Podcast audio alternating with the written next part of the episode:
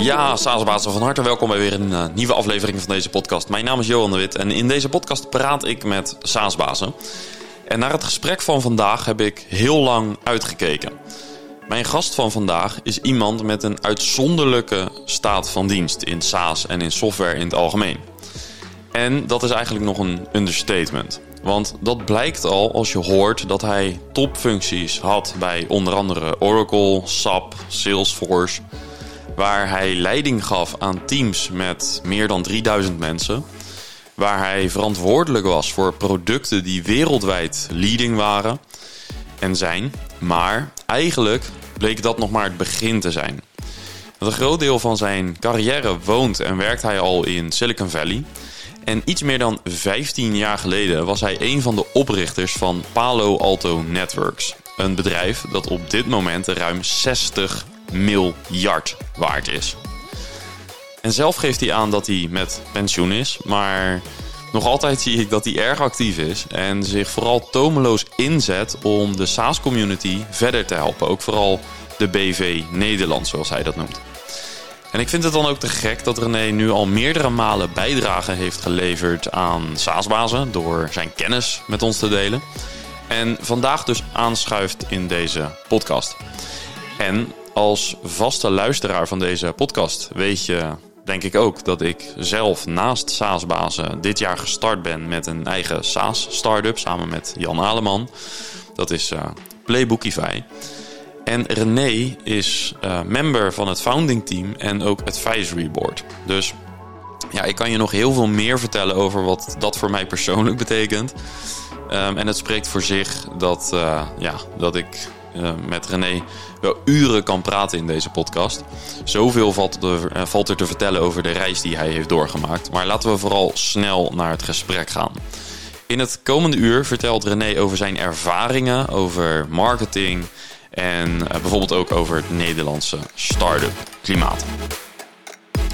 Maar eerst een dankwoord aan onze sponsor Leadinfo. Want ook deze aflevering wordt weer mogelijk gemaakt door Leadinfo. De oplossing om te zien welke bedrijven jouw website bezoeken. En vooral voor B2B SaaS bedrijven is dat een bijzonder krachtig instrument. Want zelfs, als de, ja, zelfs de best converterende websites vangen maar een paar procent van je websitebezoekers af. En met Leadinfo krijg je ook de bezoekers die zelf geen actie ondernemen in beeld.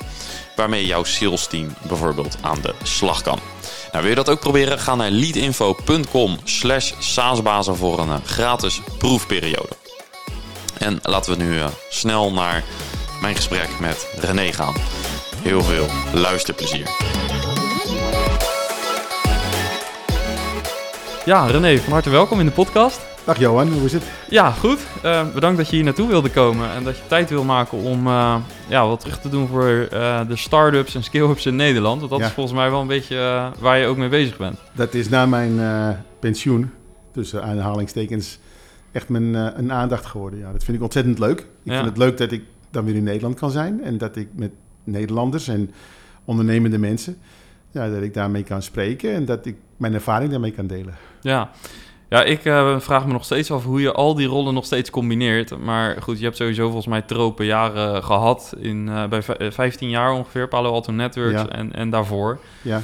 Uh, dus je kunt een aardige workload aan. Maar je doet heel veel boordfuncties ook op dit moment. En nog allerlei informele adviesdingen, zoals dit bijvoorbeeld. Ja, dat klopt. Ik, ik heb zo'n 10 boordfuncties. En die heb ik over de jaren heb ik die bij elkaar gesprokkeld. Dus sommige ja, die heb ik al bijna tien jaar en andere die zijn meer recent. Maar als ik vergelijk wat ik vandaag de dag doe met mijn tropenjaren, zoals je zegt, en dit is helemaal niks. Nee. dit, is, dit is echt... Uh, het, het mooie is, ik doe alleen maar dingen die ik zelf leuk vind. Ik doe het met mensen die ik leuk vind. Ik doe het op tijden die ik leuk vind. En in markten en met producten die ik leuk vind. Dus ja, ik, en ik, mijn afspraak is ook altijd dat ik, als ik ermee bezig ben, heel enthousiast en me helemaal eraan geef. Maar dat ik me niet echt wil voorbereiden en ik neem geen actiepunten, dat ik dingen moet gaan doen achteraf. Nee. En dat is natuurlijk wel heel bevrijdend, want ja, als je uit een stramien komt zoals ik, van bijna 40 jaar dag en nacht werken eh, om bedrijven uit de grond te trekken, ja, dan is dat delen natuurlijk ontzettend leuk. Maar qua intensiviteit is dat natuurlijk een stuk minder. Ja, precies. Ehm, nu kennen de meeste SaaS-bazen jou van uh, onder andere je keynote op SaaS-bazen live. Maar voor de mensen die uh, daar niet waren of uh, misschien nog niet van Palo Alto Networks gehoord hebben. Ja. Ik denk niet dat het er veel zijn. Maar kun je kort schetsen hoe jouw carrière er op hoofdlijnen heeft uitgezien? we kunnen daar ook een uur over hebben. Maar ja. misschien even in de hoofdlijnen. Ik zal het even snel doen, ja. ondanks dat het natuurlijk al heel lang is. ik heb gestudeerd in Amsterdam. We zitten hier bij Spaces en mijn school, de VU, was hier een paar, uh, een paar honderd meter vanaf. Ik heb economie gestuurd, gestudeerd met wat wiskunde. Uh, maar in de laatste twee jaar kreeg ik uh, een opdracht en de vraag of ik wilde meedoen aan het kiezen van een automatiseringssysteem voor de universiteit. En dat heb ik toen gedaan. En daar heb ik, daar heb ik ja, contact gemaakt met de University of California in Berkeley. Die waren met een aantal projecten bezig, waaronder het Unix operating systeem en de Ingress database systeem. En toen uh, kreeg ik er lucht van dat uh, ja, ze, er was een spin-out gedaan. Dus een echte start-up. En, het, en ik praat nu over uh, begin jaren 80, dus dat is een 40 jaar geleden. En die hadden ja, die waren dus, dat waren dus studenten, net zoals ik. Die, hadden een bedrijf, die waren een bedrijf begonnen met een aantal professoren. En daar heb ik toen aan meegedaan. En toen ben ik hun eerste medewerker buiten de Bay Area geworden. En heb ik het bedrijf hier in Europa opgezet. Ja, ik was toen 22 jaar en kun je je voorstellen, dan kun je natuurlijk alles hè, als je 22 bent en je weet niks. En toen heb ik uh, het bedrijf Ingress opgezet in een aantal steden hier in, in beginnende in Amsterdam, en toen Londen en uh, uh, Frankfurt, Parijs, Spanje. Dat heb ik, toen, heb ik toen bijna tien jaar gedaan. het bedrijf is, was toen op, op de rand van overgenomen te worden. En toen kreeg ik een telefoontje van Oracle, de concurrent, die hier zijn hoofdkantoor in de Meren had. En toen ben ik daar gaan werken voor een jaar of vier. En toen kreeg ik een, nog een telefoontje. En toen was het van Larry Ellison, de oprichter en CEO van Oracle. En die zei mij in zoveel woorden: Als je denkt dat je slim bent, dan moet je maar slim komen zijn hier in Amerika. En zes weken later had ik alles opgepakt wat ik had. Mijn, mijn, mijn, mijn, familie, twee kinderen en mijn vrouw. Uh, alles verkocht hier in Nederland en waren we in Amerika. En toen heb ik, toen heb ik daar uh, een groot aantal jaren het database product mogen beheren. En dat wilde zeggen dat ik een hele hoop rollen had die zowel marketing, maar ook engineering en pre-sales onderhielden. Ik had een team van bijna 3000 mensen uiteindelijk. En een product dat toen de tijd al uh, bijna 4 miljard per jaar omzet had voor Oracle. En mijn wens was uiteindelijk om CMO te worden. Want binnen Oracle bestond die rol niet echt. En dat wilde ik graag zijn. En toen ik die discussies met Larry Ellison had, toen keek hij me aan en hij zegt, maar je begrijpt het niet René, er is hier maar één CMO en dat ben ik. En, uh, want hij dacht dat hij de beste, de, de, de beste verhaalverteller was, uh, de bron van Oracle enzovoort. En toen dacht ik, oké, dan weet ik dus ook waar mijn carrière ophoudt. dat heb ik hem ook verteld. En toen ben ik CMO geworden van uh, een bedrijf dat heette Veritas. En Veritas zat in de data backup en recovery. En ja, we werden binnen anderhalf jaar werden we overgenomen door Symantec. Uh, dat was heel dramatisch. Um, die overname heb ik als, als bestuurslid meegemaakt. En dat was dus het einde ook van onze carrière bij Veritas, van ons allemaal. Toen ben ik, heb ik een tijd bij Business Objects gewerkt. En hetzelfde gebeurde daar. Een anderhalf jaar later werden we overgenomen door SAP. Daar heb ik een jaar gediend. En toen wist ik dat ik nooit van mijn leven meer bij een groot bedrijf wilde werken. En ondanks dat ik CMO-rollen had, wist ik ook dat ik uiteindelijk in dat soort organisaties nooit echt aan de bron was geweest. Dat ik echt het verhaal had kunnen vormen, uh, de go-to-market strategie, pricing strategie enzovoort. Dus um, ja, toen ik uh, via investeerders die ik goed kende, kennis maakte met een aantal engineers um, die een bedrijf zouden gaan beginnen, had nog geen naam. In de beveiliging dacht ik, ik weet niks van beveiliging, maar dat kan ik leren. Uh, maar nu kan ik een keer echt bij het begin van een organisatie zijn. Ja. Echt doen wat ik nooit gedaan had. Uh, ik heb natuurlijk dingen gedraaid op enorme schaal, dat kun je je voorstellen. En waarom was het belangrijk voor je om vanaf het begin erbij te zijn? Wat had je gemist bij... Ja, dat creatieve element om echt uit het niets iets te, gaan creëren. Ja, Hè, dat het dus echt jouw baby is. ja oké. En het, luister, het, is, het is ontzettend mooi om in, in het geval van Oracle, van een bedrijf van wat een paar honderd miljoen was, naar een bedrijf wat toen ik wegging 13 miljard was. Uh, in minder dan 10 jaar. Ja, dat is onwaarschijnlijk. ja. Dat is, dat is natuurlijk een koers wat, die, die bijna nooit voorkomt. Ehm, maar ik wist ook altijd waar mijn limieten waren.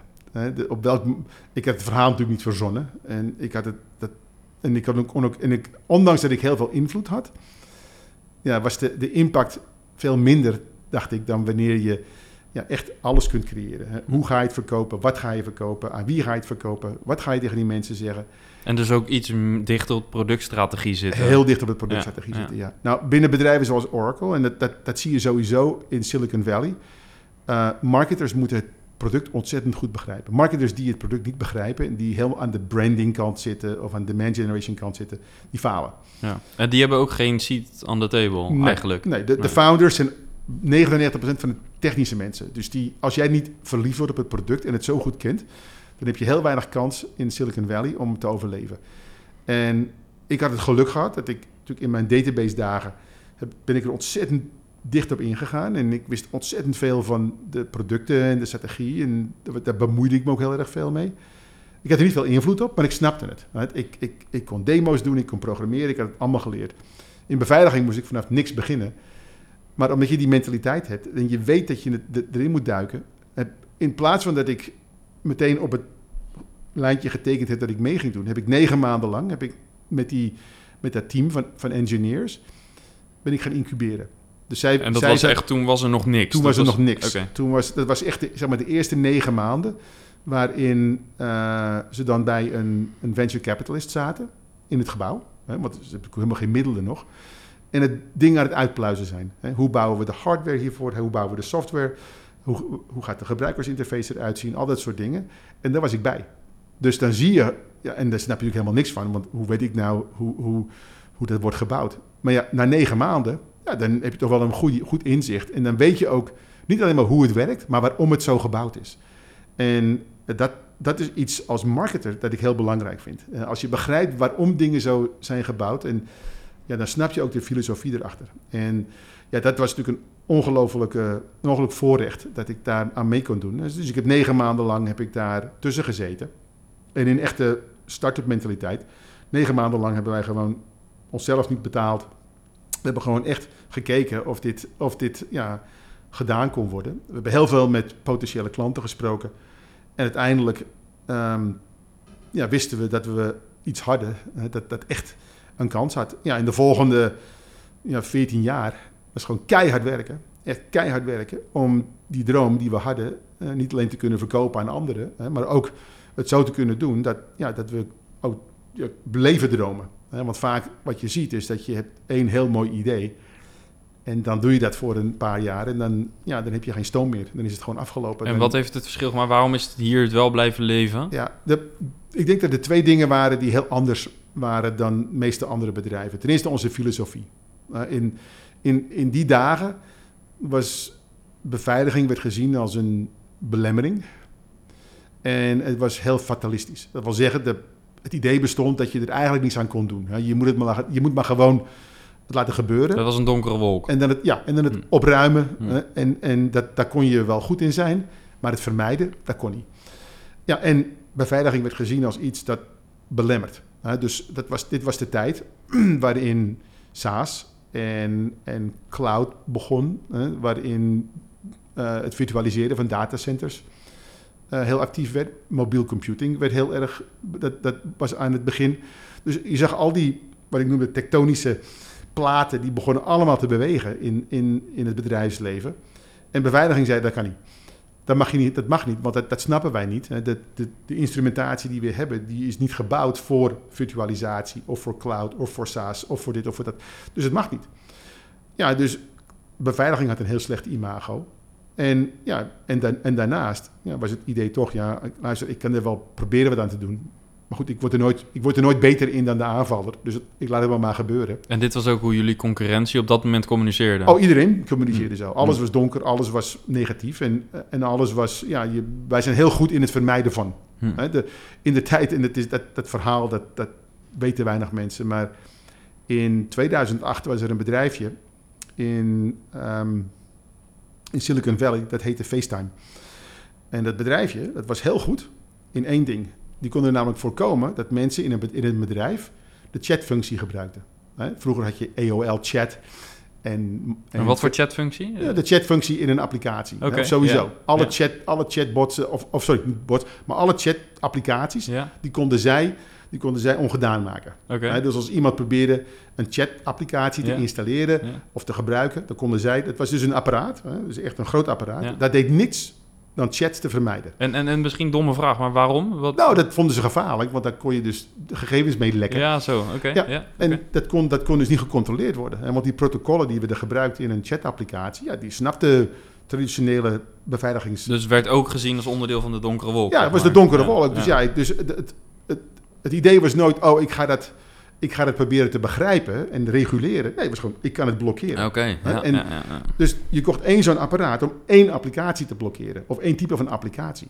Dat is de, dezelfde FaceTime trouwens. Is, het, is de naam die Apple gekocht heeft. Dus Apple heeft de naam van het bedrijf. Dat bedrijf is dus doodgegaan, want iedereen wilde natuurlijk chat hebben. die wilde het niet kunnen blokkeren.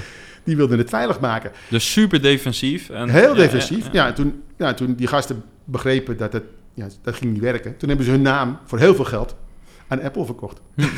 dus nou, dat klinkt als een goede deal voor een business idee wat niet werkt. Precies, dus eigenlijk een hele goede uitkomst. ja. Voor een verschrikkelijk slecht idee. Ja, ja, Zo is de naam FaceTime naar Apple gekomen. En ik ken die oprichters heel goed. Ja, en, maar het was echt, in de tijd was dat gewoon... Ja, dat was de manier waarop mensen erover dachten. Dus, en jullie hebben eigenlijk de andere narrative Wij hebben de andere kant genomen als het luisteren. Dit soort dingen zijn gewoon heel positief voor het bedrijf. Hè? En voor het bedrijfsleven en voor productiviteit en voor klantencontact enzovoort. Dus wij maken het mogelijk en veilig. En ja, dan kun jij zelf beslissen tot in welke mate je dit soort tools wil gebruiken. Ja. En, en, voor wie. En, en dat is natuurlijk, ja, en dat, daar moet je heel erg in geloven. En we hebben gezegd, luister, het is mogelijk om een aanval, een succesvolle aanval, te vermijden.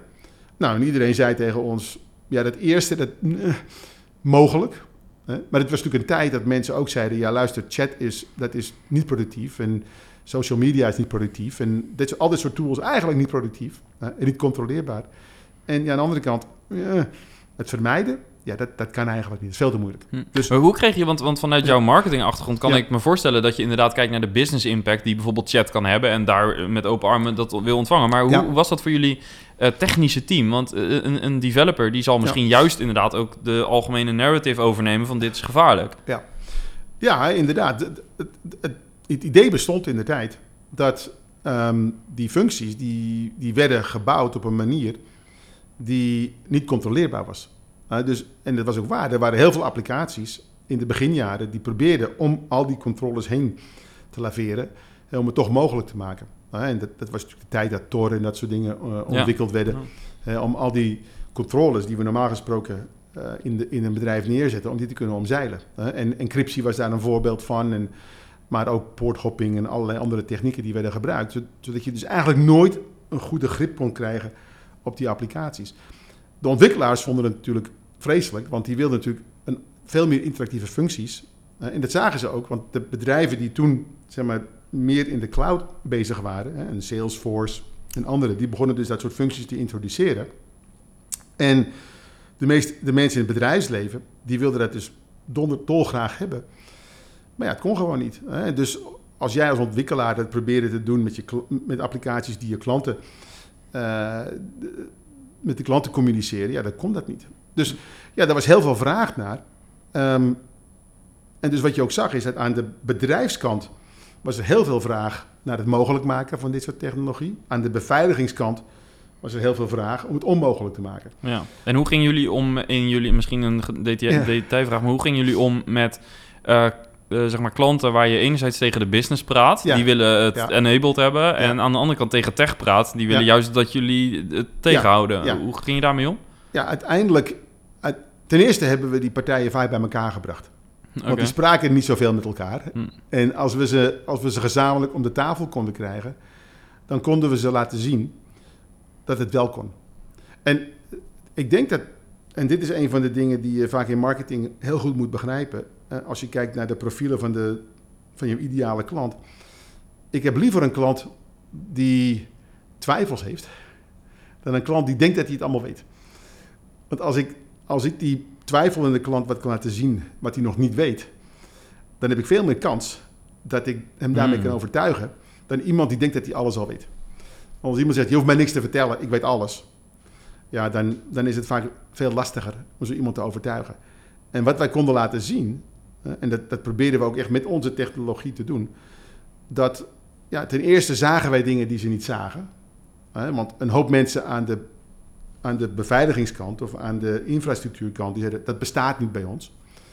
Dus dit soort applicaties worden niet gebruikt. Of ja, alle, ge- al het gebruik van bijvoorbeeld SharePoint eh, of Dropbox, dat is allemaal door ons gereguleerd. Ja, en als we, konden, als we ze konden laten zien dat het niet zo was, ja, dan hadden we sowieso al een, een gesprekspunt. Maar als we dan de zakelijke kant erbij konden krijgen en zeggen, luister, waarom is dat nou zo? En wat voor nut zien jullie in het gebruiken van sociale media? En als voorbeeld zeg ik altijd, we zaten een keer om- rondom de tafel met een Canadees, de grootste Canadese bank. En die zegt, luister, onze strategie is eh, voor onze nieuwe producten om die te introduceren eh, bij studenten. En mensen die net een huishouden begonnen zijn. Ja, en helaas ja, moeten we dan toch sociale media gaan gebruiken. Of helaas, wij hebben besloten dat we de sociale media voor gaan gebruiken. Maar het probleem is, wij kunnen geen sociale media gebruiken, want dat is volledig geblokkeerd hè, vanwege productiviteits- en, en beveiligingsrisico's. Nu, als je dan op de tafel zit en zeggen, luister, dit kunnen, wij, dit kunnen wij voor jullie neerzetten. En daar heb je de hulp van Facebook niet bij nodig en de hulp van Twitter niet bij nodig, maar dit kunnen wij doen. Eh, zodanig dat jullie de zakelijke voordelen hebben en dat jullie ook de, zeg maar, de beveiligingsvoordelen hebben. Hè, en het kan op een hele eh, fijne manier worden, worden gedaan. Ja, dan heb je een, dan heb je een gesprek. En dan, Ja. dan zie je ook dat die partijen bij elkaar komen. Dus ik, ik heb ook graag... Ik heb niet alleen graag dat iemand twijfels heeft... maar ik heb ook graag dat er, dat er zeg maar, binnen zo'n organisatie... dat mensen het niet met elkaar eens zijn. Want dan kan ik ze bij elkaar brengen. Dan Hm. kan ik zeggen, luister, ik snap heel goed waarom je dit wil. En ik snap ook heel goed waarom je dat wil. Maar als ik dat samen kan brengen en zeggen, luister, onze filosofie is dit. En, en wij, kunnen, wij kunnen daar gestalte aan geven. Ja, dan heb je vaak een veel beter gesprek. En, en hoe Ja. doe je dit op een schaalbare manier? Want jullie Ja. hebben dit natuurlijk op enorme schaal gedaan. Dat klopt, Ehm, ja. eh, Maar, eh, want, want één op één aan tafel kan ik me voorstellen Nee. als je met, Nee. met sales Nee, zit. dat doe je maar- 50 keer en dan, dan, dan, dan ben je heel moe. Want dan, ben je, dan, dan heb je anderhalf keer de wereld rondgereisd. Of 150 keer. Het was een, waarschijnlijk meer 150 keer. Dus ja, in het begin doe je het één op één. Hè. Dat, ik zeg ook altijd, als jij, als jij onderdeel bent van het founding team... dan is een van de belangrijkste dingen is om dit soort gesprekken te hebben. Eh, en mensen vragen dan, moet ik dan al mijn product klaar hebben of niet? En ik zeg, nee, de- je moet je filosofie klaar hebben. En trouwens, je filosofie komt voor je product. Eh, je moet niet een product gaan bouwen en er een filosofie bij gaan verzinnen. Je moet een filosofie bedenken en daar ga je een product bij verzinnen. Ja. Dus zo gauw jullie het, over, het daarover eens bent hè, als, als team wat die filosofie is, hè, waarom jij nou echt anders bent en waarom je anders denkt over, over zaken, dan, kun je, dan, dan, dan kunnen de mensen die het product niet bouwen, dus ik, ik bouw dan het product natuurlijk niet, ja, wij kunnen er naar buiten Ja. en we kunnen daar gaan spreken. ja. En dan gaan we heel veel van die gesprekken hebben. En wat we ook gaan doen, is om partijen te vinden die, die dat met ons eens kunnen zijn. Dus in die 150 gesprekken heb ik waarschijnlijk 20 of 30 gesprekken gehad met wederverkopers. En dat hier in Nederland, in Duitsland, in Frankrijk, in Engeland, eh, in Canada, in, in de Verenigde Staten. En we zijn gaan praten eh, om ook partijen te vinden die, ja, die het met ons eens waren. Hè, die, die daar ook echt gestalte aan wilden geven. Hè, die, dus, ook ja, die filosofie wilden wilde adopteren die wij hadden bedacht en die die er in de markt wilden zetten. En dat was een beslissing die ik nam, niet omdat ik dat wist, maar dat gevoelsmatig. eh, het- en, het was natuurlijk ook, de backdrop hier is natuurlijk dat het in 2008 of zo dit allemaal speelt. Hè, toen de financiële crisis was begonnen hè, en Amerikaanse banken failliet gegaan zijn.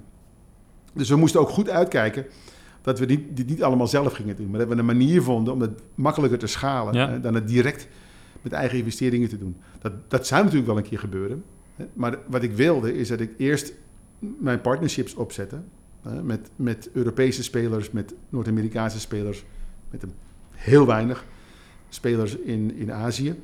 En dat ik daar dan zeg maar kan demonstreren dat, ik het, dat het verhaal verteld kan worden zonder dat ik er zelf bij ben. Ja. Uh, en dat is best wel eng. Uh, dus bij tweede, mijn, dat, mijn eerste zeg maar, reisdoel was, ik wilde zoveel mogelijk eindgebruikers uh, met het verhaal um, bespelen. Mijn tweede reisdoel dat daarna kwam was, ik wil zoveel mogelijk partners gaan, gaan bespelen. En dus die mensen ook echt ja, um, erin laten geloven. En ze ook een, ja, een, een, een aanbod te doen hè, om met ons geld te verdienen. Ja. Uh, en, en dus in de eerste instantie was het mij heel belangrijk dat, dat het verhaal anders was. De tweede reis was veel meer, was, was veel meer kan ik er ook een financieel model aan, aan uh, geven. Voor hen, dat Voor zij hen, succesvol dat gaan zij zijn. succesvol kunnen Ja, zijn. Dat ja. zij ook ja, zien dat, omdat ze risico's lopen. Ja. Want dit waren natuurlijk wel mensen die al geld verdienden met bestaande oplossingen in de markt. Dat ja, zij- misschien moesten ze Citrix en Ja, dat soort absoluut. platforms de deur eh, Absoluut, uitdoen. ja, Want je kunt niet die twee producten naast elkaar echt. voeren, denk ik. Misschien bij je bestaande klanten kun je de ene Ja. levend houden of wat dan ook. Maar ja, dit waren allemaal mensen die, omdat ze dus goed begrepen hoe beveiliging in elkaar zaten, ja, ze moesten dus wel ja, van geloof veranderen, zeg Ja. maar. Ja, en dat is een risico en daar wilde ik zo heel goed voor belonen. Dus ik moest ook heel goed nadenken over hoe die beloning in elkaar zat Ja. en hoe ik daar ook een model mee kon creëren voor die eindgebruikers. Ja. En kun je daar wat meer over hoe je dat eh, gedaan hebt, zo'n partner? Want Ja. ik weet dat veel SaaS-bedrijven links of rechts ook zo'n partnermodel willen Ja. neerzetten. Alleen dat men vaak te veel denkt vanuit het eigen succes. Eh, Ik, ehm, een van de dingen die eh, ik hoorde in de eerste reis, ik noem het maar de eerste reis, was... Ik vroeg mensen niet alleen wat ze, wat ze ervan vonden, tot de vraag, hoe zou je dit noemen? wat, ik nou, wat ik jou verteld heb, want dat deden we dus niet. Hè. Het, verhaal was verteld over in, in meer van, oké, wij zien de wereld er zo uit. Of wij kijken zo tegen de wereld aan. Ehm, daar gaan we op deze manier naartoe. Hè? Dit vinden wij fout met het heden enzovoort. En toen we uitlegden hoe dat dan zeg maar, in elkaar zat, toen zeiden we mensen, ook nou dat wij dat verteld hebben, hoe zou je dat noemen? En met welk geld zou je dat willen betalen? Hè, Dus het was niet andersom, dat, dat we zeggen, het- dit, dit doosje heet X en vervolgens ga ik je uitleggen wat X Hmm. doet. Het was meer andersom. Ik wilde mensen laten zeggen wat die X was. ja, customer insights, zodat je beter kunt Precies, noemen. ja. ja, Ehm, maar, in, maar toen heb ik ze ook gevraagd, van wie zou je dat willen kopen? Wil je dat van een, wil je dat van een lever, is het belangrijk voor jullie dat er een leveranciersrelatie Ja. bestaat? Hè? Of is het meer belangrijk dat er een lokale relatie bestaat? Ja. Of dat, eh, denk je dat je dit op jezelf kunt doen, of dat je daar ook hulp bij nodig hebt? En van wie zou je die hulp dan willen hebben? Van ons? Of... En daar heb ik heel goed naar geluisterd. En wat daar echt de feedback van was, en dat was heel simpel voor ons, is we moeten werken met, met partijen die dicht tegen die klant aanzitten.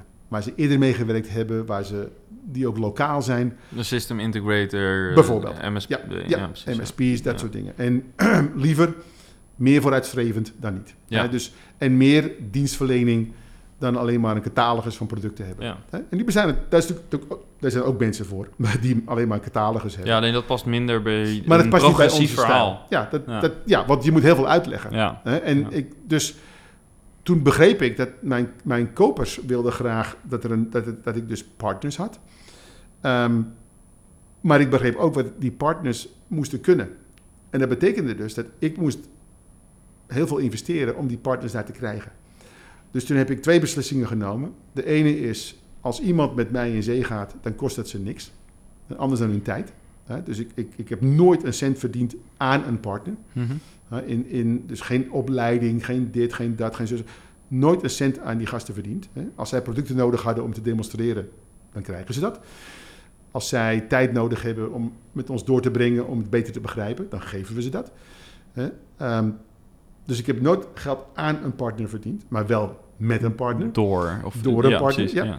En vervolgens heb ik gezegd, ik wil mijn partners betalen in, in een SaaS-model. Maar op een hele, op een, op, toen de tijd bestond er geen SaaS in beveiliging. Je kocht een apparaat en dan ieder Het jaar was gewoon een appliance. En, een appliance ja. met annual maintenance, zoals het Ja. heette. Hè? Dat, is de, dat noem ik altijd het- zeg maar de, de ransom fee. Want ja, ja, het voelde helemaal niet prettig. Nee, nee. Want die leverancier deed er helemaal niks voor. En ieder jaar betaalde jij ze 16 tot 20 procent eh, om het apparaat te mogen blijven houden. Dat is belachelijk, maar goed, dat kon toen in de tijd. Dus wij waren de eerste leverancier die met een SaaS-model begonnen. Je kocht weliswaar je apparaat, gebaseerd op het volume van verkeer wat je wilde controleren. En dan vervolgens ging je abonnementen afsluiten op de beveiligingsfuncties die wij dan gingen leveren. En ja, zo, die partners, die waren natuurlijk gewend om één keer wat te verdienen aan zo'n apparaat. En in de volgende vijf jaar was het droog. Ja, dat was gewoon een one-off. Ze ja. kenden nog geen recurring Precies. fee. Ja. Dus, ik, dus ik zei tegen die gasten, luister, ik betaal je niet alleen op het apparaat, ik betaal je op die abonnementen. En sterker nog, ik betaal je voor... Zolang die abonnementen actueel blijven, hè, die klant blijft betalen, krijg jij dezelfde marge als toen je voor mij die klant gevonden hebt. Wow. En niemand kan het van je afpakken. Dus dat is van jou. De enige reden is als de klant zegt dat ze met jou niet meer willen werken. Ja. Dus jij moet die klant heel tevreden houden. Want jij zit er bovenop. Daarom geef ik jou 35 tot 40 procent van de, van de, lijst, van de listprijs. Maar jij moet die klant tevreden houden. Een andere partner kan het niet van jou afpakken. Hij ja. kunt eronder duiken. Dat mag niet. Maar als de klant zegt, jij bent niet goed voor mij.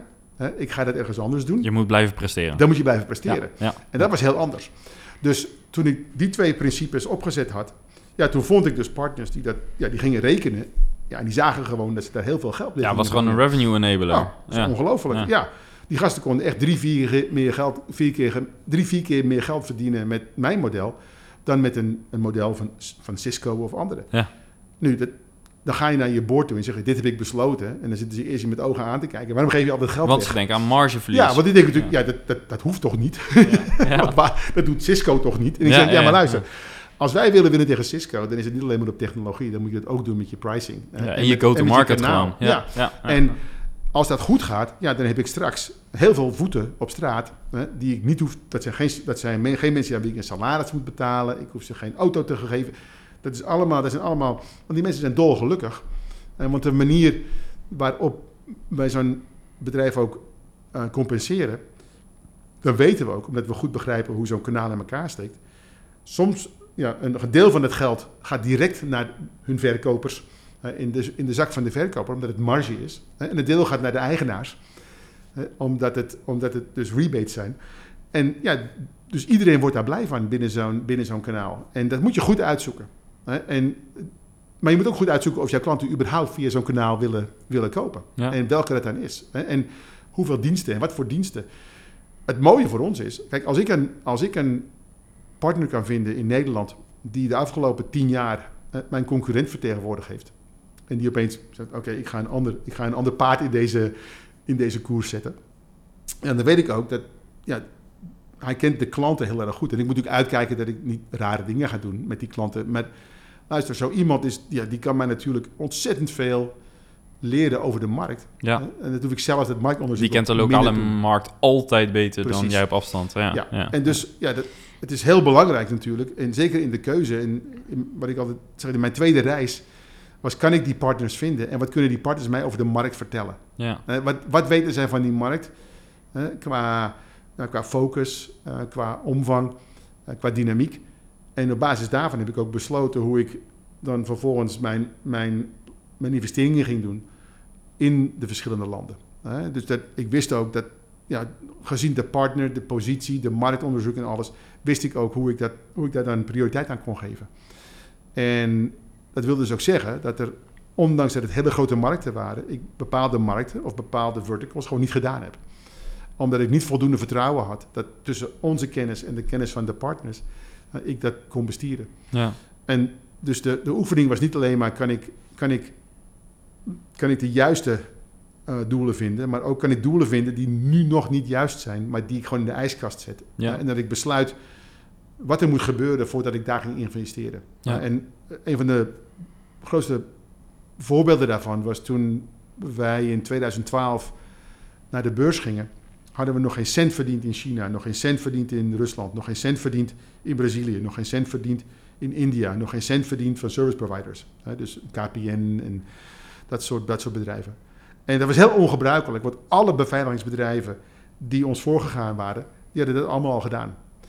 Eh, en ik zeg ook altijd, de focus die wij gehad hebben hè, om te schalen, eh, daar waar wij wisten dat alles juist was, de marktconditie, onze productcapaciteit en zo, dat heeft ons heel goed gedaan. Uiteindelijk hebben we natuurlijk wel besloten op welk moment we dan wel in zo'n markt zouden kunnen stappen. Maar uiteindelijk is dat altijd nog zo gegaan dat we ja, nooit echt een concentratie hebben gekregen.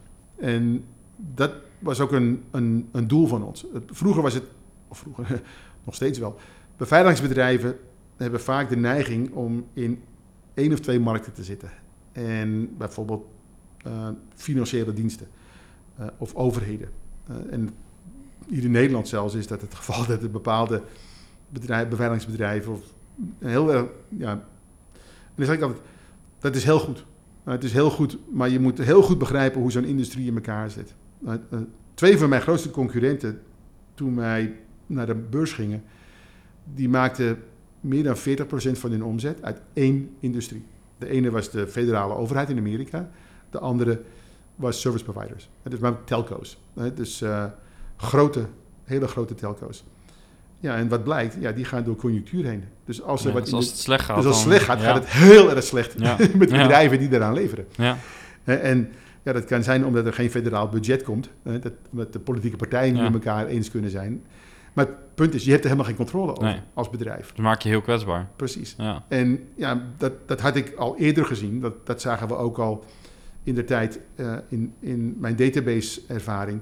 Er was toen een databasebedrijf, Sybase, en die had ook meer dan 40% van de financiële sector. En toen het daarmee heel goed ging, was het fantastisch. En toen het er minder mee ging, dan ging het bedrijf gewoon kapot. Ja. Het is echt aan kapot gegaan, omdat ze zo geconcentreerd waren. Dus ik wilde ook altijd ervoor zorgen dat ik breed was, maar niet te breed. Uh, dus ja, dit is een fijne lijn die je moet lopen. Uh, dat, je, dat je breed genoeg bent om niet onderhevig te zijn aan, aan, aan, aan uh, conjuncturele impact. Maar dat je breed genoeg bent, ja. dat, je, dat je dus ook weet dat je ja, voldoende aandacht er, erbij kunt houden. Want als je, als je te veel gaat, ja, dan heb je als, als team geen kans. Nee. want er zijn, er zijn dingen die kun je. er zijn dingen die kun je aan een land, een team in een land geven. Dus ja, ga dit nou eens voor mij uitzoeken. Um, maar als je dan die feedback krijgt, en dat heb ik in eerste instantie heb ik dat gedaan bijvoorbeeld met mijn resellers in Duitsland, die vertelden mij, als jij dit van je product wil verkopen, dan moet je er dit voor doen. En ja, daar kom je niet onderuit. Hebben wij gezegd, nou, dat gaan we dus niet doen. Ja. Daar wachten we mee. Ja. En daar hebben we ook een tijd mee gewacht. Ja, en dan in plaats daarvan een ander segment kiezen wat minder effort segment. kost. Ja. Ja. ja. en dan niet... En, dan, en, ook, en ook geen concessies maken, hè, omdat klanten heel groot zijn. Hè. In, helemaal in het begin kwamen er wat hele grote klanten naar ons toe en die zeggen: Ja, luister, ik snap donders goed dat je dit wil doen in de cloud, maar dat kunnen wij niet. Dus wil je mij, geen, wil je mij niet leveren, maar dan on-premises. En daar hebben we zoveel geld voor, voor, voor openstaan. Ja, en dan slik je even. En dan zeg je: Oké, hoeveel van dit soort klanten zou ik kunnen vinden? Nou, ik, waarschijnlijk niet. En wat gaat het mij kosten hè, om twee van die producten nou te gaan onderhouden? Ja, dat, is niet te doen. Nee. Dus ja, dan loop je ervan weg. En dan zeg je, luister, ik, ik, ik snap het. Ik ben, heel, ik ben natuurlijk heel trots dat jullie daar dat, dit willen hebben. Maar ik ga het niet doen. Hm. En als jullie ervoor klaar zijn, dan, dan ben ik ook voor jou klaar. Ja. Maar niet andersom. Ja, focus houden. Ja. Echt focus blijven houden. En als, dat zeg ik ook tegen marketers. Hè. Dat is het, vaak wil je, je wil interessant zijn voor iedereen. Hè. Je wil dat iedereen van je houdt. Je wil dat iedereen jou mooi vindt. Je wil dat iedereen wat van jou wil hebben. En ik zeg eigenlijk niet. Uh, je, moet daar, je moet daar veel strakker over denken en zeggen: luister, ik moet gewoon eigenlijk 80% moet ik gewoon negeren. Ja, ja wat Seth Godin eigenlijk altijd zegt: de minimum viable audience. Eigenlijk zo klein mogelijk ja. groep die homogeen is. Precies. Homogeen genoeg dat je, dat, je, ja, dat je patronen gaat herkennen. Ja. En dat je ook begrijpt ja, wat die mensen nou bezighoudt. Ja. Uh, ik, ik, ik heb altijd heel veel aan de aan de demografische en aan de, aan de, de, de, de psychologische kant gezeten van het verhaal vertellen. Ik wil zeggen, ik, ik wil dat mensen er een emotie bij krijgen. Dat het niet alleen maar rationeel is, maar dat het emotioneel wordt. Dat je mensen een goed gevoel geeft. Hoe doe je dat bij, een, bij, bij zo'n product? Ja, ja dat, dat moet je dus... Je moet dus ten eerste heel goed je, je, dat, dat homo, dat, dat, dat, die groep, die doelgroep van je, hè, dus dat ideale klantprofiel begrijpen. Dus in mijn geval en dat zeg ik vaak, het waren hele saaie mensen. en natuurlijk heb ik ook een saai product, maar er waren saaie mensen Maar die mensen, die hadden, daar, daar kwamen patronen naar voren over hun leeftijd, over hun, uh, over hun ja, hobby's, over wat ze nou... Opleiding. Interesse, uh, opleiding, al dat soort dingen. Hè, wat. Waar ze... En ja, wat blijkt nou? Ja, die mensen die houden van dingen die... Misschien herken jij je daarin, misschien ook niet. Maar ja, die houden van, die houden van, uh, van stripboeken. Die houden van humor. Uh, die houden van uh, voetballen en niet, van, niet van golven en zo. Dus ja, die houden van een aantal dingen en dat, dat blijf je onderzoeken. Speciaal bier. Ja, ja. speciaal ja, bier en dat soort dingen. Ja, geen dure wijn, maar nee, met liever speciaal ja, bier, lokaal gebrouwen. Ja. dat soort dingen leer je dan over die mensen. En, en ook welke emoties ze nu ja, willen en niet willen hebben. En angst is natuurlijk een hele makkelijke in, in, in beveiliging en mensen heel bang maken. Maar mijn insteek was, als ik ze bang maak, ja, psychologisch gezien, wat er met mensen gebeurt, dan nemen ze wel een beslissing, maar ja, die, daar zijn ze later helemaal niet zo blij mee. Kun je een voorbeeld geven van een soort trigger point, iets ja. in jullie messaging, ja.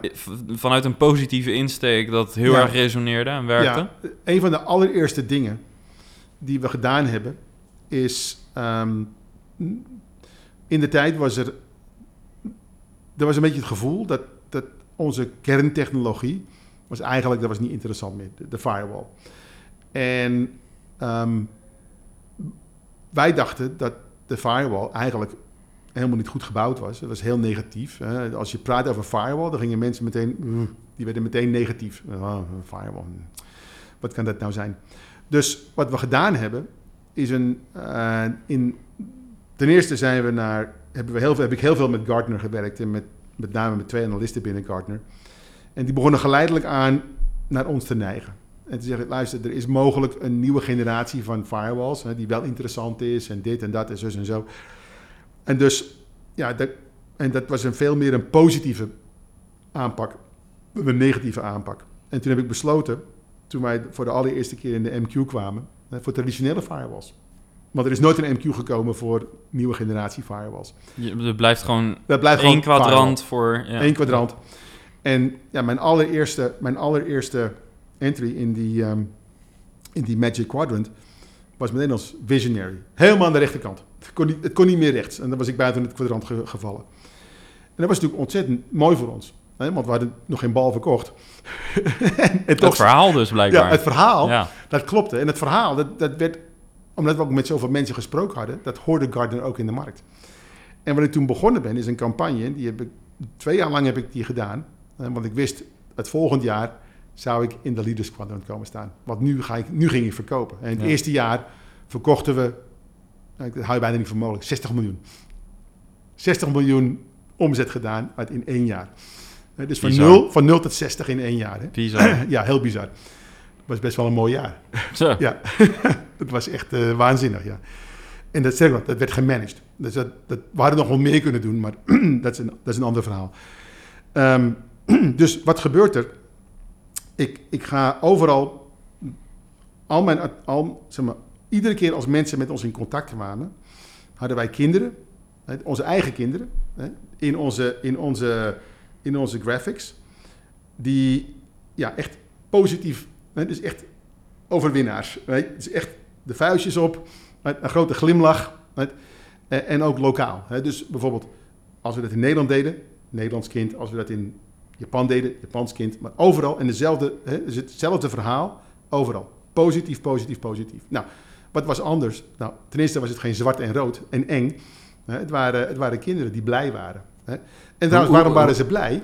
Ze waren blij omdat papa of mama, die kon s'avonds thuiskomen en die was niet ongerust wat er met hun beveiliging ja, ja, ja, ja, Dus echt die psychologische kant uitgaan. Hè? Waarom zijn die kinderen nou blij? Ja, dat, omdat hun ouders ja, voor het eerst in hun carrière hebben ze ook tijd voor de kinderen. En zijn ze blij en zijn ze niet ongerust. Ja. Ja, en dat, dat speelde heel erg met mijn, met mijn, want ja, mijn, mijn publiek, die had kinderen, jonge kinderen, die hun papa of mama nooit, nooit zagen, omdat ze dus continu bezig waren met negatieve dingen. Ja.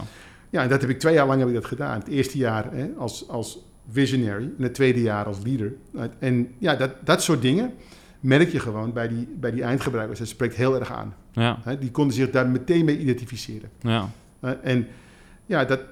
En dus dat maakte het ook makkelijker om voor die mensen ja, de verandering te accepteren die ze moesten doorgaan. Want de verandering was niet alleen, oh, ik ga van leverancier A naar leverancier B. Was ook, ik, ga mijn, ik, ga mijn, ik ga gewoon mijn job op een andere manier doen.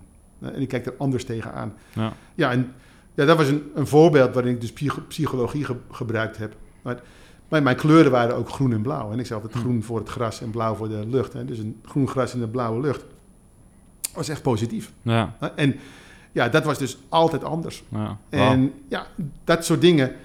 Ja, ik kan je wel vertellen, toen ik dat voor het eerst introduceerde binnen het bedrijf, zitten mensen echt eh, ja, een beetje te fronsen. En eh, kan dat wel? En begrijpen mensen dat Ja. wel? En ja, en uiteindelijk, ja, en dit is natuurlijk het mooie, als je, als je ook niet alleen de CMO bent, maar ook een co-founder bent, dan zeg Ja. ik, ja, ja, ik geloof hier zo in, dat gaan Ja. we doen. Ja. En, eh, en vertrouw me. ja, Eh, ik heb voldoende onderzoek gedaan dat ik begrijp eh, wie die mensen zijn. En, want ja, mijn concurrenten trouwens op dat moment, die hadden donders goed begrepen dat er wat aan de hand was. En wat die gingen doen, en dat was denk ik ook wel een beetje een gelukje voor ons, is die gingen, die gingen eigenlijk niet, die, die zeggen oké, als zij die kant uitgaan, dan gaan wij een andere kant uit. Mm. Dus die begonnen opeens met racewagens in, in advertenties te komen en dat soort dingen, omdat dingen snel moesten gaan. Hmm. En ja, dat Maar die ging eigenlijk geforceerd op zoek naar iets anders. Precies, die gingen Ja. geforceerd. Op, en hoe groot ze ook waren, hè, opeens, ja, ze wisten gewoon, dat kunnen wij niet gaan, dit, dit kunnen wij niet doen. En daar komen ze ook niet mee weg, vaak bij hun eigen bedrijf. Nee. Hè, want het, was, het is natuurlijk een stijl die heel anders is in de Ja, markt. ja, precies. Ja. Daar moet je lef voor hebben. Ja, en het moet in je DNA zitten. Je kunt Tuurlijk. niet, binnen een heel conservatief bedrijf kun je niet een heel progressieve messaging. Dat Nee. gaat aan alle kanten Ja, en dat schuren. was ook vaak een beetje een, een doelstelling voor mij. Dus alles wat ik deed, daar wist ik ook van dat een Cisco of een Checkpoint, wat, wat toen grote bedrijven waren, of, of Symantec, ja, die konden dat gewoon niet doen. Nee. Want dat, dat zou binnen zo'n bedrijf nooit vliegen. Nee. Dat zou nooit werken. Ja, wat je zegt is mooi, hè? Dat wat toen grote bedrijven waren. Inmiddels zijn jullie er dik voorbij. Ja, onder- Ja. ondertussen is Palo Alto Networks de grootste beveiligingsleverancier ter wereld geworden. Ja. Kan je iets ze- zeggen over de beurswaarde? Ja, de beurswaarde is boven de 60 miljard. Bizar. Ja. Hoe, kijk, hoe, we- hoe kijk je daarnaar, nu eh, als je iets meer afstand neemt? Ja, het is ongeloof. Ehm, we hadden een aantal doelen hadden we neergezet. Eh, We hadden, zeg maar, als team hadden we gezegd, wat, wat, willen wij, wat willen we worden als we groot worden? En in eerste instantie was dat, wanneer kunnen wij deze concurrent voorbij? Of wanneer halen we deze omzet? Ehm, en op een gegeven moment zei ik, dat is allemaal heel mooi. Maar ik denk dat uiteindelijk wat het meest belangrijke is, is dat we onze klanten ook tevreden houden. Dus dat is een beetje onze doelstellingen. Uiteraard, omdat we een beursgenoteerd bedrijf waren, al redelijk snel, moesten we natuurlijk zeker groei laten zien en, en, en winstgevende groei. En die doelen bestonden ook altijd. Maar uiteindelijk hebben we dit gewonnen omdat we ontzettend gefocust waren op klanten en klanttevredenheid. Dus churn en NPS. Dat waren belangrijke Het waren veel metrics, belangrijkere ja. doelen die we intern aan het tracken Ja. waren. Ja. En ook wat, wat ik had een aantal, een aantal fenomenen had ik geïntroduceerd bij de beurs, zoals het, wat we noemen mijn miljonairs. Dus mensen die minder dan een miljoen geïnvesteerd hadden in mijn product, eh, in lifetime value. Ehm, en het expansiegedrag. om te laten zien dat, ja, ondanks dat de markt, meestal was ik koop het eenmaal en dan doe ik niks meer. En dat ik echt klanten had die ieder kwartaal van mij kochten. In expansie. Om te laten zien dat in een SaaS-model, ja, je hebt Ja. echt land en expand. En dat, dat moesten we demonstreren, want niemand in onze markt had dat ooit laten zien. Dus ik had miljonairs. Ik wil zien hoe wij, wat voor progressie wij maakten binnen de, de 2000 grootste bedrijven ter wereld. Ja. Die natuurlijk tot nu toe alleen maar onze concurrenten hadden gekocht. Ja. Dat soort dingen introduceer je. En dat is natuurlijk ontzettend stimulerend binnen het bedrijf en ook bij de aandeelhouders en de investeerders. Maar uiteindelijk intern, en daar gingen we later ook gingen we daar veel over spreken, praten natuurlijk over churn en over NPS. Ja. Uh, en onze doelstelling was om een NPS te behouden boven de 70. Dat was natuurlijk niet makkelijk. Maar tot, totdat ik mijn, totdat ik mijn uh, pensioen genomen heb, wat, dat was acht maanden uh, in COVID, was het nog steeds het geval. Bizar. Zeker als je zo snel groeit. Ja. Ja. Ja. Ik kan hier nog uren over doorvragen over dit avontuur. Maar Ja. wat ik ook leuk vind voor de luisteraars om jouw uh, visie nog te horen op uh, Nederlandse start-ups. Ook Ja. daar, ja, daar kunnen we het uren over hebben. Maar als we een beetje de belangrijkste dingen uithalen. Je werkt dus met heel veel start-ups, skill-ups eh, in Nederland ook, Ja. in adviesrollen. Ja. Eh, ja, wij hebben ook regelmatig contact. En daarin geef je ook wel eens aan, eh, denk groter. Nou, dat Ja. komt niet voor niets, denk ik, uit, vanuit de Silicon Valley Ja. gedachten, zeg maar. Ehm, denken wij, of zetten wij onze start-ups te klein op? Ehm, zet je ze te klein op? Ik denk dat je ze te kleingeestig opzet.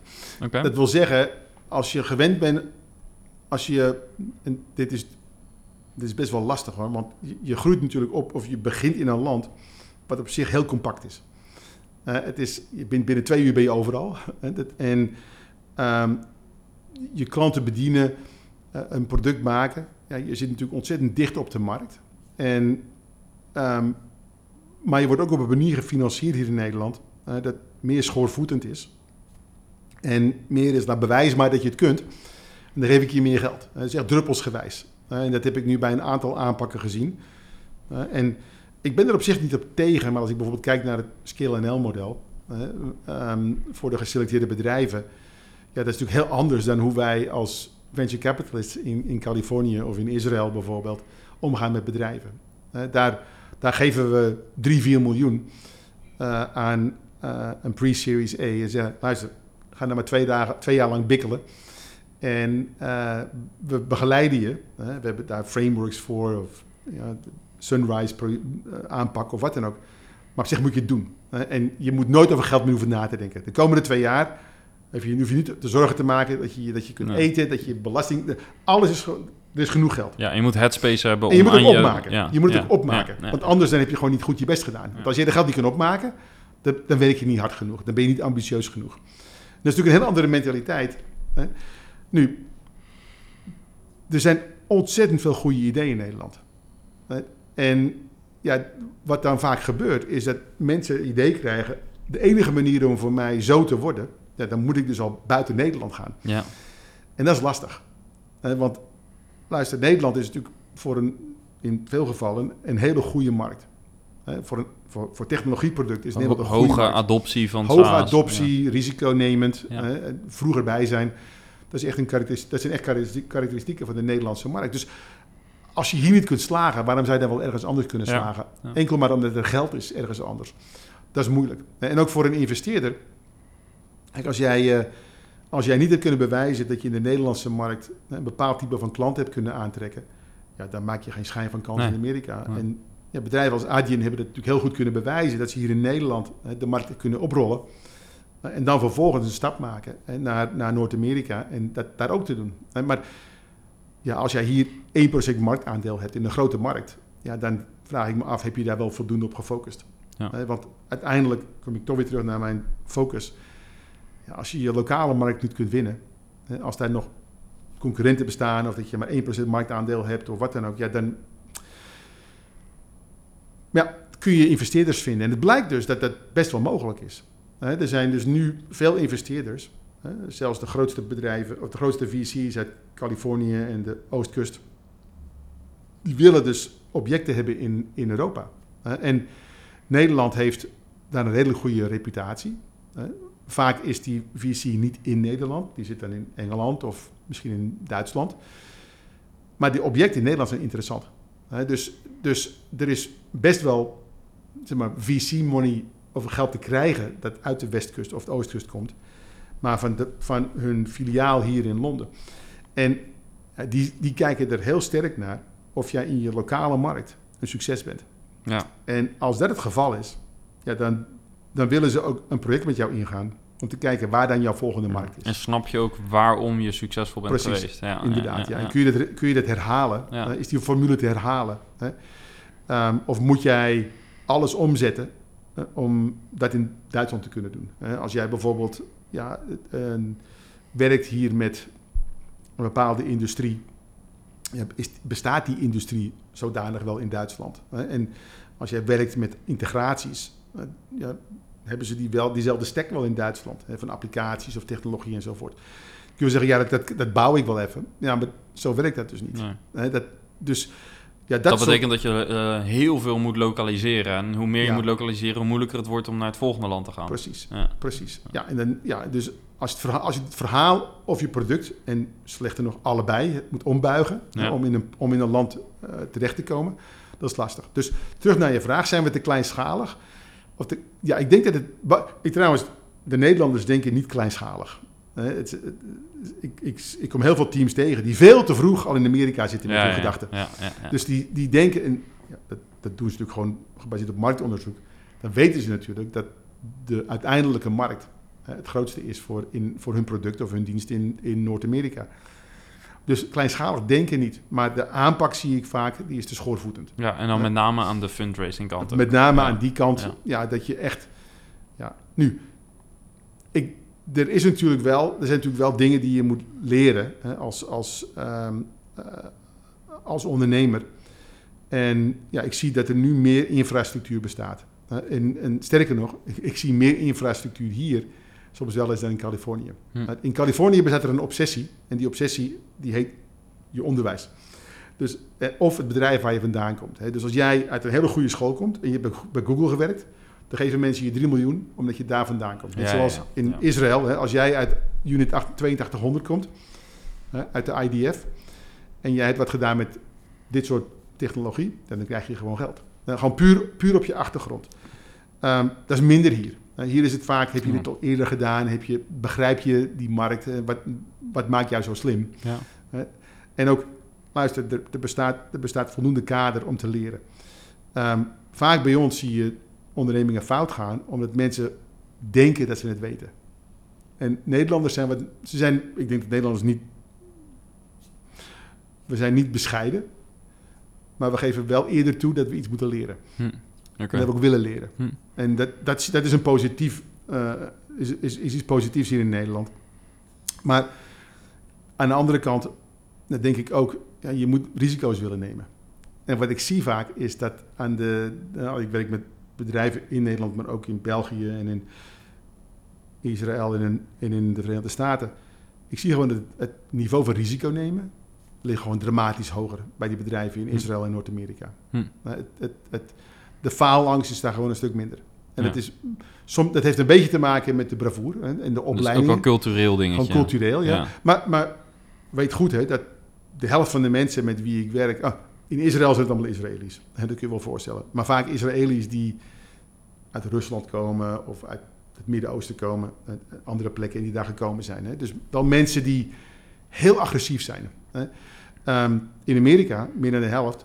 Die mensen komen niet uit Amerika, die komen uit India, die komen uit China Ja. en waar dan ook. Hè. Dus, ehm, en ik denk trouwens ook dat ja, zo'n cultuurmix ook goed is voor een bedrijf. En dan zie je ook dat daar echt, ja, dat, daar zit wat meer achter. Hè. Wat meer emotie zit daarin Hm. hè, dan, dan, dan puur rationeel erover denken. En, maar ook hoe ze omgaan met, met faalangst.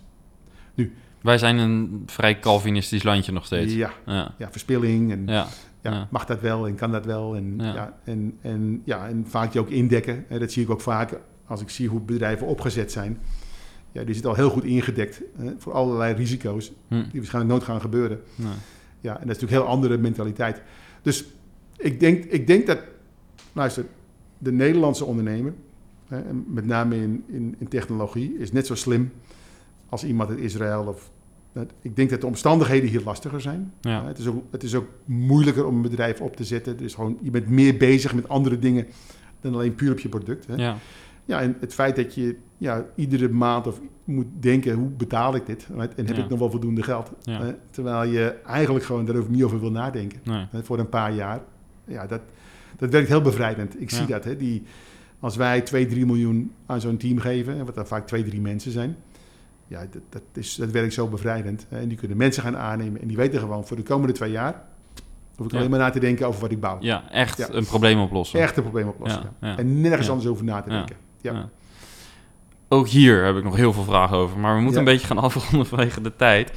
En nog, nog één vraag. We hebben het best wel een tijd over marketing gehad, maar Ja. ehm, er is maar één vraag ben ik in het bijzonder nog nieuwsgierig naar. Ja. En dat is, stel dat jij morgen bij een Nederlandse skill-up een CMO-positie zou, tijdelijk zou gaan invullen. Wat, Ja. is, wat zijn een beetje de eerste dingen waar je naar kijkt om, om te zien of dat gezond is? Ja, het, het, het eerste waar ik naar kijk is positionering. Hm. En dat heeft met name te maken dat ik fundamenteel geloof... als je verhaal niet goed is, dan kun je, dan kun je wat je dan ook doet, is eigenlijk waardeloos. Uh, want als jij niet kunt uitleggen aan iemand wie je bent, wat je doet, uh, hoe dat anders is en waarom dat wat uitmaakt, ja, dan, dan, dan kun je wel denken dat je, dat je leads aan het genereren bent of pipeline aan het, aan het opzetten. Dat is allemaal, ja, dan weet je niet eens waarom. En dit moet dus eigenlijk al voordat je het product oh, ontwikkelt, moet je dit al snappen. Absoluut, ja. absoluut. Ja. Daar moet ik over eens zijn. Ja. Uh, dat wil je niet ieder jaar bijstellen. Hey, daar, daar, moet je echt, daar moet je echt in geloven. Ja. En je moet ook mensen aannemen, hè, vanaf de allereerste verkoper, de allereerste um, sales engineer, die moeten er ook echt in geloven. Ja. Hè, en die dus ook niet knipperen als ze het verhaal vertellen, maar die er dus echt in geloven. Dus daar kijk ik het eerste naar. Is dat gedaan? Ja. En als dat niet zo is, dan haal ik alles, dan zet ik alles stil. Dan gaan we dat eerst gaan we dat doen. En dat we er ook over eens zijn en dat we ook dat uitgewerkt hebben. Dat we ook weten hoe we dat in 10 seconden zeggen, hoe we dat in 30 seconden zeggen, hoe we dat in een minuut vertellen, hoe dat eruit ziet voor een klant, hoe dat eruit ziet voor een mogelijke investeerder. Dan, dan, dan bouw je ook alle ja, inhoud op ja. om het te doen. Dat duurt geen weken. Hangt een beetje vanaf hoe het team natuurlijk in elkaar steekt. Maar dat is het belangrijkste. Nou, het tweede waar ik naar kijk, is dan het monetisatiemodel. En uh, dat, dat is niet alleen maar pricing, maar ook zeg maar, hoe het product in elkaar steekt. En hoe we, daar, hoe we daar ook fundamenteel mee kunnen concurreren. want wat het product doet is natuurlijk belangrijk. Maar hoe, hoe je ervoor betaalt, hè, kan ook een heel goed wapen zijn. Dus ik wil weten hoe we dat monetiseren. en ja, dat blijft vaak heel moeilijk te zijn. ik, ik, ik kom heel veel bedrijven tegen die al een paar honderdduizend euro of soms al meer dan een miljoen. En die zitten nog steeds na te denken hoe mensen ervoor moeten betalen. Hm.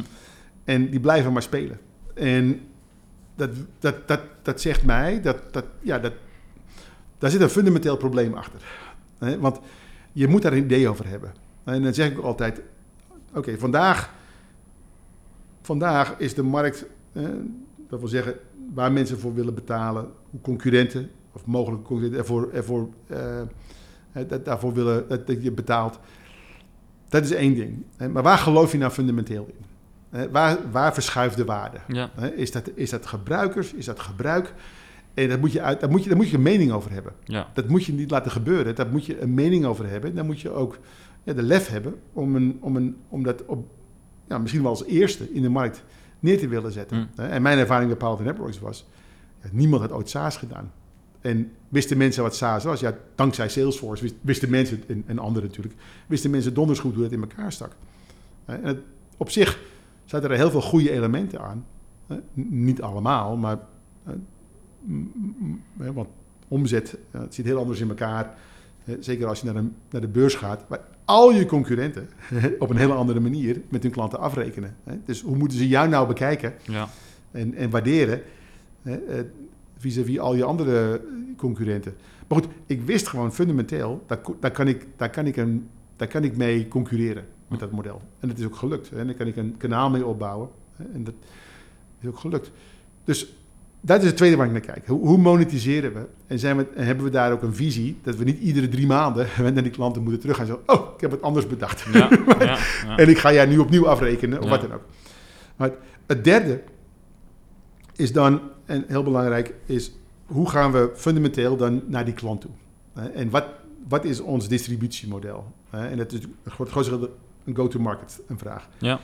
En um, kan dat met PLG gaan? Hè, kan het met DLG gaan, dus developer-led, is, kan dat gaan hè, met, is dat een top-down? En trouwens, ik heb daar niet echt, ik heb daar geen voorkeur in. Hè, want het hangt natuurlijk nogmaals af van mijn ideale klantprofiel. Ja. Wat ik natuurlijk al ontdekt heb in mijn positionering. Hè, Want het verhaal aan wie ik het ga vertellen, heeft al mijn ideale klantprofiel opgeleverd. Ja. Maar dan wil ik ook weten hoe die willen kopen. Ja. En, en um, als ik weet hoe ze willen kopen, dan bouw ik ook een, zeg maar, een, een distributiemodel dat daarvoor geschikt is. Ja, dus eigenlijk uh, wat ik veel founders zie doen en waar ik mezelf misschien ook een beetje schuldig aan maak, is we spreken eerst uit hoe wij graag willen verkopen en wij willen eigenlijk dicteren hoe een klant koopt. Ja. Maar je moet het eigenlijk omdraaien. Je moet zeggen, hoe wil een klant kopen? Wat heeft hij nodig? Heeft hij echt, uh, is het een, een oplossing waar men heel veel consultancy bij nodig heeft? Liever niet, maar stel dat zo is. Dan kun jij wel heel graag PLG willen doen. Maar als jouw product het niet kan of je klant wil het niet... Ja, ja. beveiliging was zeker een, een onderdeel waar mensen tot vandaag aan de dag hebben mensen niet het gevoel dat ze er echt goed in zijn. Hm. dus als jij, als jij weet dat je het moet doen, maar je bent er niet echt goed in, ja, dan, dan heb je dus een koopgedrag. Hè, waar natuurlijk, ja, er- daar, zit een, daar zit een element van dienst in. Ja, En wij wilden zelf die dienst niet doen. Dat, dat wilden we net als bedrijf doen. Maar je begrijpt natuurlijk donders goed dat jouw klanten ja, niet het gevoel hebben dat ze daar zelf goed genoeg voor zijn. nee. Dus ja, dan vind je bepaalde kanalen. Dat wil niet zeggen dat je altijd maar meteen een consultingbedrijf moet vinden. Maar misschien vind je wel een managed service provider die zegt: luister, als jij het niet zelf goed in bent, dan neem ik hele grote gedeeltes van jou over. Hm. En dan ga ik het voor je doen. Ja. Dus ja, dat, en daar heb ik ook heel veel innovatie, is heel veel innovatie in gezien in de afgelopen tien jaar. Maar ja, luister, er is al voldoende frictie om sowieso te moeten verkopen. Ja. Als je ook nog eens wil verkopen op een manier waar de klant van zegt, dat, zo kan ik dat niet, Nee. of zo durf ik dat niet. Ja, dat is veel te veel frictie. Joh. Ja, Dus ja, uiteindelijk onze job is om zoveel mogelijk van die frictie weg te halen. En ja, als, als iemand al jou aangeeft dat ze het op een bepaalde manier... En nogmaals, als je uiteindelijk denkt... Hè, want luister, in 1999 toen Mark Benioff Salesforce begon... Met alle, bijna alle CRM werd verkocht via grote systems integrators. Hm. Want het waren enorme overhaalprojecten... Hè, waar Arthur Anderson en dat soort, dat soort gasten allemaal in zaten. Dus hele grote systems integrators, die zaten daartussen. En die deden het werk. ja die moesten de inrichting doen, Ja, dat was implementatie. ontzettend veel werk. En in Ja. Nederland ook. En dat was allemaal consultingwerk. Nee, dus de consulting bracht de tool binnen. Ja, Ja, en dat was natuurlijk helemaal anders. Want Salesforce zei, ik ga naar die verkopers toe. En ik vind gewoon een groepje van vijf verkopers die dat mooi vinden. En Ja. die gaan dan vervolgens dat proberen uit te breiden. Ja. Hè, naar hun groep, en dan naar hun binnen een organisatie enzovoort. Dus het is een heel ander model. Ja. Dus het kan wel. Maar ja, dan moet je ook, maar dan moet je ook zo anders willen zijn. En dat is ook, en dat uiteindelijk, trouwens, Salesforce is nooit van die druk afgekomen. Want die hebben ook een gigantische grote serviceorganisatie zelf. Ja. En service partners. Dus uiteindelijk die industrie, ja, dus ze hebben zichzelf wel in die industrie kunnen werken. Hè, tegen een Siebel en een Oracle en zo. Maar uiteindelijk zijn ze toch meer naar, zeg maar, naar de roots van die industrie gekomen. Hè, door een heel groot service component te moeten hebben, zelf en met partners. ja, Dus ja, je moet goed weten in zo'n industrie hè, of je, of je distributiestrategie, hè, of je dat nou echt zo anders wil laten zijn. ja, En, en het feit dat, je, dat iets via SaaS geleverd wordt, wil niet zeggen dat je het, dat je het via PLG moet verkopen. Hm. Eh, of dat je het met een bottoms-up moet verkopen. Er wordt heel veel SaaS verkocht. Er zijn bedrijven zoals Wiz enzovoort die binnen twee jaar naar 100 miljoen gegaan zijn. Die het allemaal gewoon top-down doen. ja. Met een directe Salesforce. Dus het gaat echt, je klant is dominant. begrijp Die bepaalt hoe wil die kopen. Ja, en- ja, ja. Mogelijk dat je later andere manieren kunt toevoegen. Hm. Maar ja, ik zeg altijd, en zeker als je in een grote industrie bent, jij moet je eerste 100 miljoen verdienen met zo weinig mogelijk frictie. ja. Eh, En als de frictie ligt op het manier wat de klant wil kopen, ja, dan laat je de klant maar beslissen Ja. hoe ze willen kopen. Ja. Eh, Focus jij dan op hoe je anders bent. Precies, Met je technologie. Ja. Ja. Ontzettend bedankt. Ja. Ik zou uren door willen praten, Ik ook wel, maar ja. ja. misschien moeten we dat een andere keer doen. Dat doen we. Ehm, Goed joh. ja, nogmaals, bedankt. Thanks. Oké.